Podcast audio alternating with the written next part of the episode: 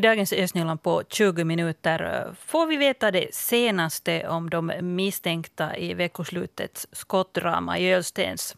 Vi ska också prata om gåsbajs och ta oss till en strand i Lappträsk där det finns riktigt, riktigt mycket gäss. Jag heter Helena von Aftan, välkommen. Natten mellan lördag och söndag skottskadades då två poliser i Östens i Borgå. De misstänkta greps av polisen i Ylöjärvi i närheten av Tammerfors på söndag och de sköt mot poliserna också då när de greps. Och de här misstänkta de är bröder. Eh, den yngre är 25, den äldre 30 år. De har båda svenskt medborgarskap, men en av dem har dubbelt medborgarskap, också finskt då. Och de pratar både svenska och finska. Fredrika, vad mera vet vi om dem?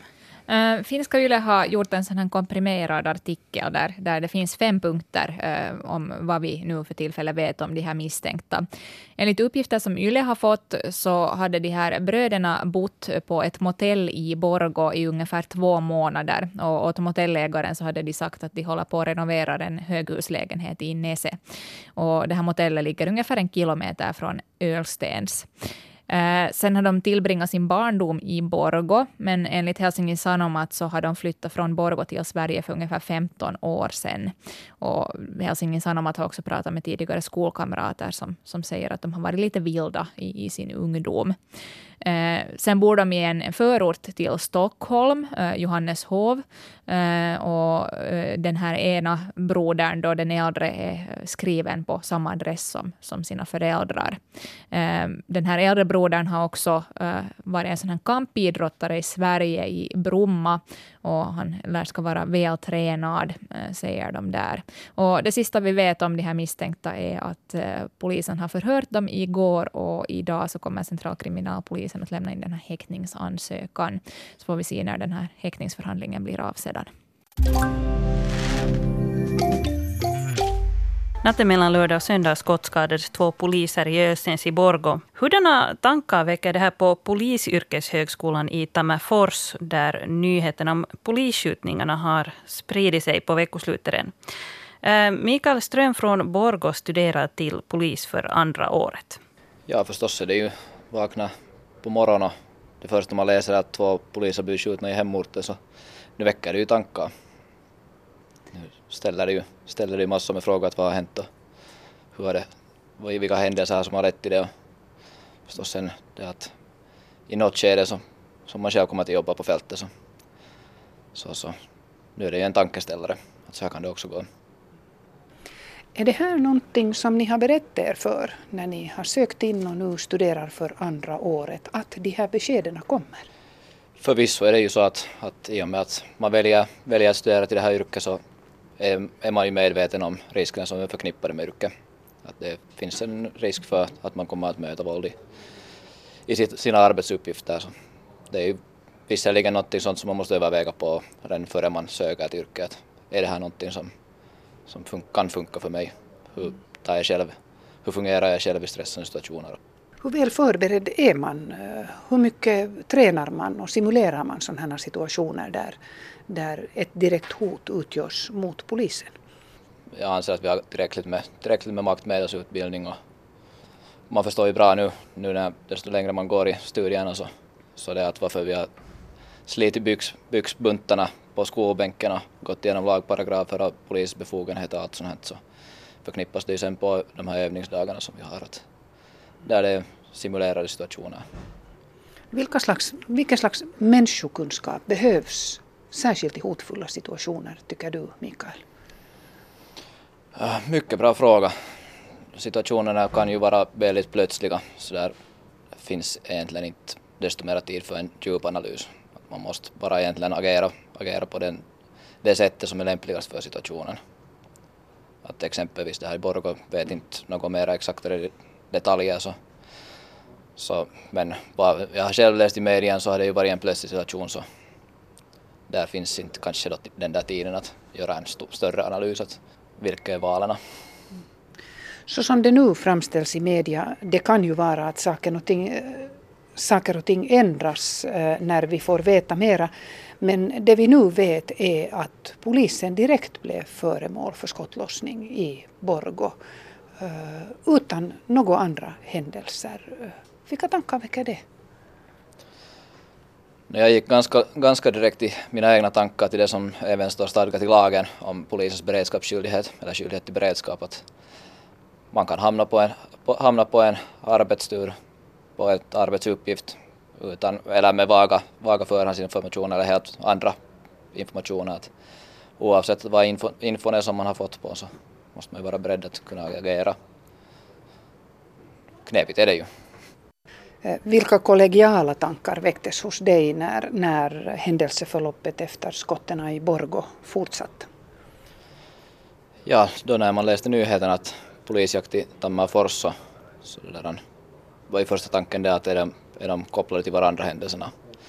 Så när det, desto längre dagen gick och det bekräftades att det är de misstänkta gärnings, gärningsmännen som har gripits så var ju första, första tanken var ju den att man är jättestolt över organisationen som man, som man kommer till i framtiden jobba för 24 timmar för att få fast killar som avlägsnar sig från orterna. Inte kan man vara någonting annat än stolt och nöjd. Klart att man kommer till förhoppningsvis i framtiden få, få arbeta, arbeta inom yrkeskåren.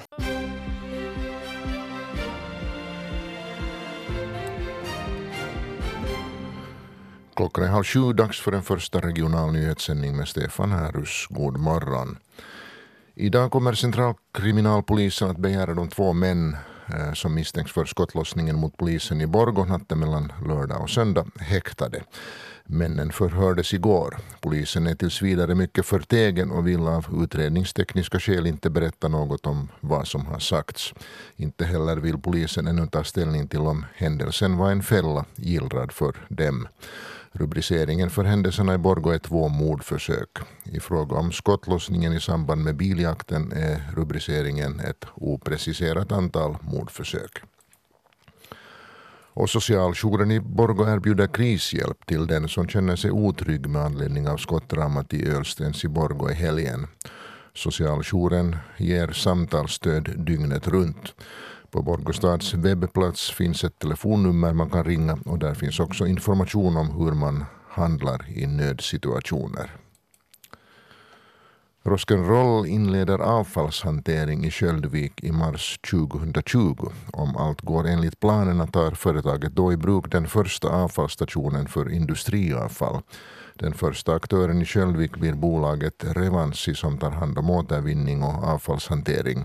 Revansi ägs av Kuusankoski och av avfallsbolaget Rock'n'Roll. På området byggs bland annat en hall på 2500 kvadratmeter för hantering och förvaring av torra material. Verksamheten vid Domargårds avfallsstation i Borgo minskas och koncentreras till hanteringen av olika slag av hushållsavfall. Tidningen Uusimaa var först ute med nyheten.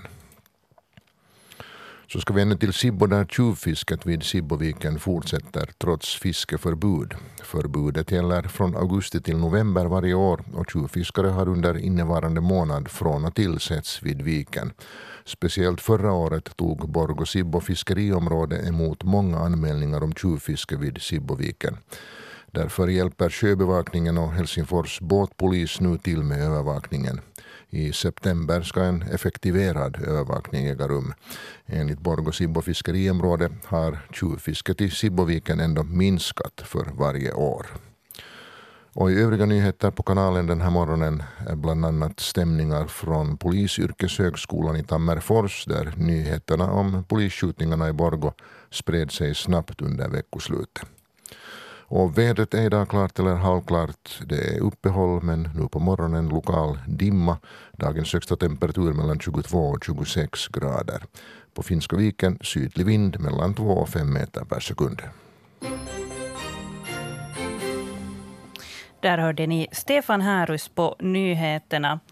Uh, det var faktiskt rätt så dimmigt när vi kom till jobbet i morse. Jag, jag åtminstone var riktigt, riktigt skrämd där på motorvägen ett skede. Det var som en vägg framför en och så kröp man där igenom och hoppades att inte en älg skulle hoppa framför bilen. Uh, var det också så här dimmigt när du körde? Ja, från och till väldigt dimmigt faktiskt. Så det gick inte ens att köra riktigt den hastighet man skulle få köra normalt. Mm. Eh, du hade kollat upp en olycka här under morgonen. Ja, eller två rättare sagt. Eh, en på Borgå motorväg i riktning Helsingfors. Där hade en bil kört i baken på en annan bil och den som hade blivit påkörd hade konstigt nog försvunnit från platsen. Medan den som körde på då eh, stannade och, och ringde Räddningsverket och anmälde att det har hänt en olycka. Men den där andra bilen försvann och den, liksom, den hittade man sen aldrig. Så att antagligen gick allt bra med den. Försvann i dimman. Mm. Mm. Precis. Och den andra olyckan hände, hände utanför räddningsverket faktiskt där i Kungsporten. Det var en bil som hade lite för hög hastighet och dimman gjorde att han inte såg rondellen och han brakade rätt in i den här rondellen med, som har ganska stora stenar och vad det nu finns i mitten. Så att där, den färden slutade där. Oj, oj, det var någon som faktiskt på riktigt tappade bort sig i dimman. Mm, precis. Det ska bli en riktigt solig och varm dag idag. Det är sån här liten extra sommarvecka vi får. Och då vill man ju gärna fara och simma. Eh, men det är ju inte så hemskt roligt att fara och simma om där ligger höga med gåsbajs överallt. Och det här är ett problem vid många östnyländska badstränder. I år har höga bakteriehalter uppmätts vid tre olika östnyländska badstränder och i åtminstone två av fallen så är det mycket troligt att det faktiskt är gäss som har varit boven. En av de här stränderna är Lappträsk kyrkobys simstrand. Där är simsäsongen nu över för i år, det här på grund av att gässen har tagit över stranden. Jag har nu tagit mig till Lappträsk och närmare bestämt Lappträsk kyrkobys badstrand. Här har man nyligen uppmätt höga halter av bakterier här i vattnet så för tillfället så rekommenderas det att man undviker att simma här och när jag kom hit till den här badstranden så var här hundratals gäss. Det bara kryllade av de här fåglarna men när jag kom närmare här nu och såg ganska nära vattenbrynet så flög de iväg. Maria Luoma-aho, du är den tekniska direktören här på Lappträsk kommun. Vad är dina tankar när du ser så här mycket fåglar här? Usch! uh, det är nu synd att de har kommit så tidigt i år för att nu är det ju omöjligt att hålla stranden ren och vattenkvaliteten är dåligt. Men nu blev de ju nu i alla fall rädda när vi kom gående här, bara du och jag. Hur, hur stort problem är de här gässen här i Lappträsk? Eh, de är ett stort problem just när i augusti när de kommer till stranden. Ja, de gick bort då vi kom nu men vi är inte här hela dagen eller natten och då kommer de tillbaka och så ser stranden ut så här. Ja, det är ju inte bara de här själva fåglarna i sig som är problemet utan det är just att om vi tittar omkring här så här är det en hel del med fågelavföring och en massa vita dun. Det är ju det som nu då är så här tråkigt. Om du tittar tillbaka på tidigare somrar så, så är det mera gäss nu eller? Jag tycker att det har blivit värre. Alltså de har Gässer har nu funnits här i flera år men nu kom, de kommer liksom tidigare och ja, de är hundratals. Men det är väl så att ni ändå försöker hålla den här stranden ren. Har ni några andra åtgärder till, till de här gästen nu än att försöka städa? Vi försökte äh, med sådana äh, eh, plastiksvan eh, äh, att om de skulle vara rädd för den. Men den äh, funkade inte för att den äkta svanen ble, blev så arg att attackerade den plastiksvanen. nu har vi inte hittat på någonting annat ännu. Så man får nu tipsa om idéer. Är det här någonting nu som ni kommer att fundera på vintern för att försöka lösa till, till nästa sommar eller? Säkert kommer vi på att, att tänka om vi, om vi hittar någon lösning. Eh, för att den här stranden är ju den enda simstranden här i kyrkobyn och det är nog ganska långt till äh, Särkjärvi simstranden eller till Pyhäjärvi-stranden. Och därför är simstranden här i kyrkobyn viktig. Det sade Maria Luoma-aho. Gässen är också ett problem i de övriga östnyländska kommunerna. I år har höga bakteriehalter uppmätts vid tre östnyländska stränder.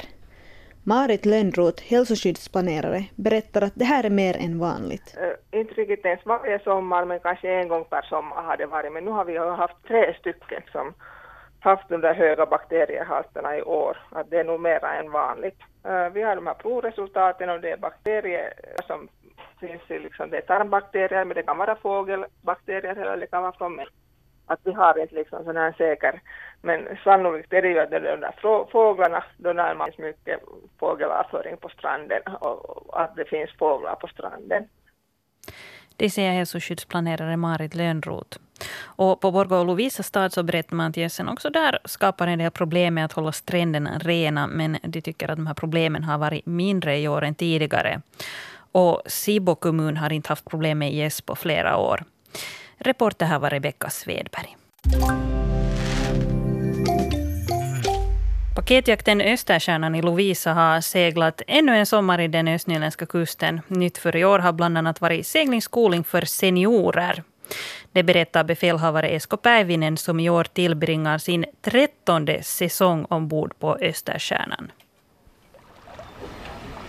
Men säsongen har gått ganska bra i växlande väder visserligen. Försommaren var kall. Som du sa, vi har våra allmänna seglatser varje år, cirka 9-10. Och det hade vi också nu. Och en ny grej var en seilträning för över 30 år gamla seglare. Vi var fyra dagar ute på sjön och skola äldre folk. Vi har ju haft sedan 2007 varje sommar tre ungdomsseglatser som vi hade också i år. Att säsongen har gått ganska bra. När man är ute på en sån här ungdomsseglats eller skolsegling som det kallas, eller om man är senior och, och beger sig ut på en sån, vad är det man får lära sig och måste man ha förhandskunskaper när man, när man ska ut? Gruppen delas i vakter och hela gänget är medlemmar av skutans besättning. Vi kör från halvtimmes till timmes vakter, två personer i vakt, en styr och en navigerar. Man behöver inget förhandskunnande. Besättningen lär och säger vad du ska göra och det är förvånansvärt hur snabbt folk lär sig. Vad, vad är det man får lära sig under de här dagarna man är ute? No, framförallt att navigera till sjöss, lära känna prickar, lära känna farleder och veta vad man ska göra när man kommer till hamn och lägger vid kajen. Seglingskunskaper eller sjöfartskunskaper i allmänhet. Våra allmänna seglatser har ju bestämda mål att vi har i år besökt Svartholm naturligtvis, Årengrund, Pyttis, Fagerö och våra ungdomsseglatser gjorde vi i år så att vi hade inte på förhand bestämt några hamnar. Vi gick efter väder och vind och försökte planera rutten så att vi kunde segla så mycket som möjligt. Eh, sen går vi, vi börjar ju gå mot höst och vinter. Er säsong håller på till oktober förstod jag, sa du här tidigare. Vad händer sen? Eh, tar, vi, tar ni upp Östersjöarna, Varför baras den över vintern och hur går det till?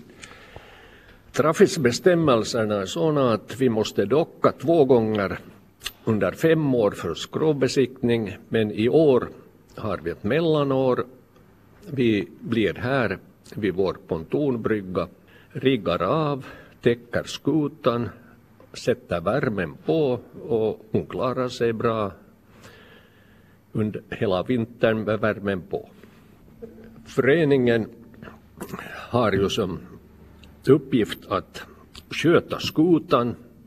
Vi har genast när vi sätter värmen på de jour en vecka i taget kollar vi skutan hela vintern och sen börjar vi planera nästa års seglingsprogram. Vi trycker ett programblad som kommer ut i början på januari och innehåller då 2020s hela program. Att få det färdigt är ett, ett stort jobb. Och sen börjar vi planera vår skolning. Vi har varje vår skolning av besättningen här i hallen, två till fyra dagar och ungdomarna framförallt som har varit ute och seglat sitter på skolbänken och lär sig regler och teori och sånt.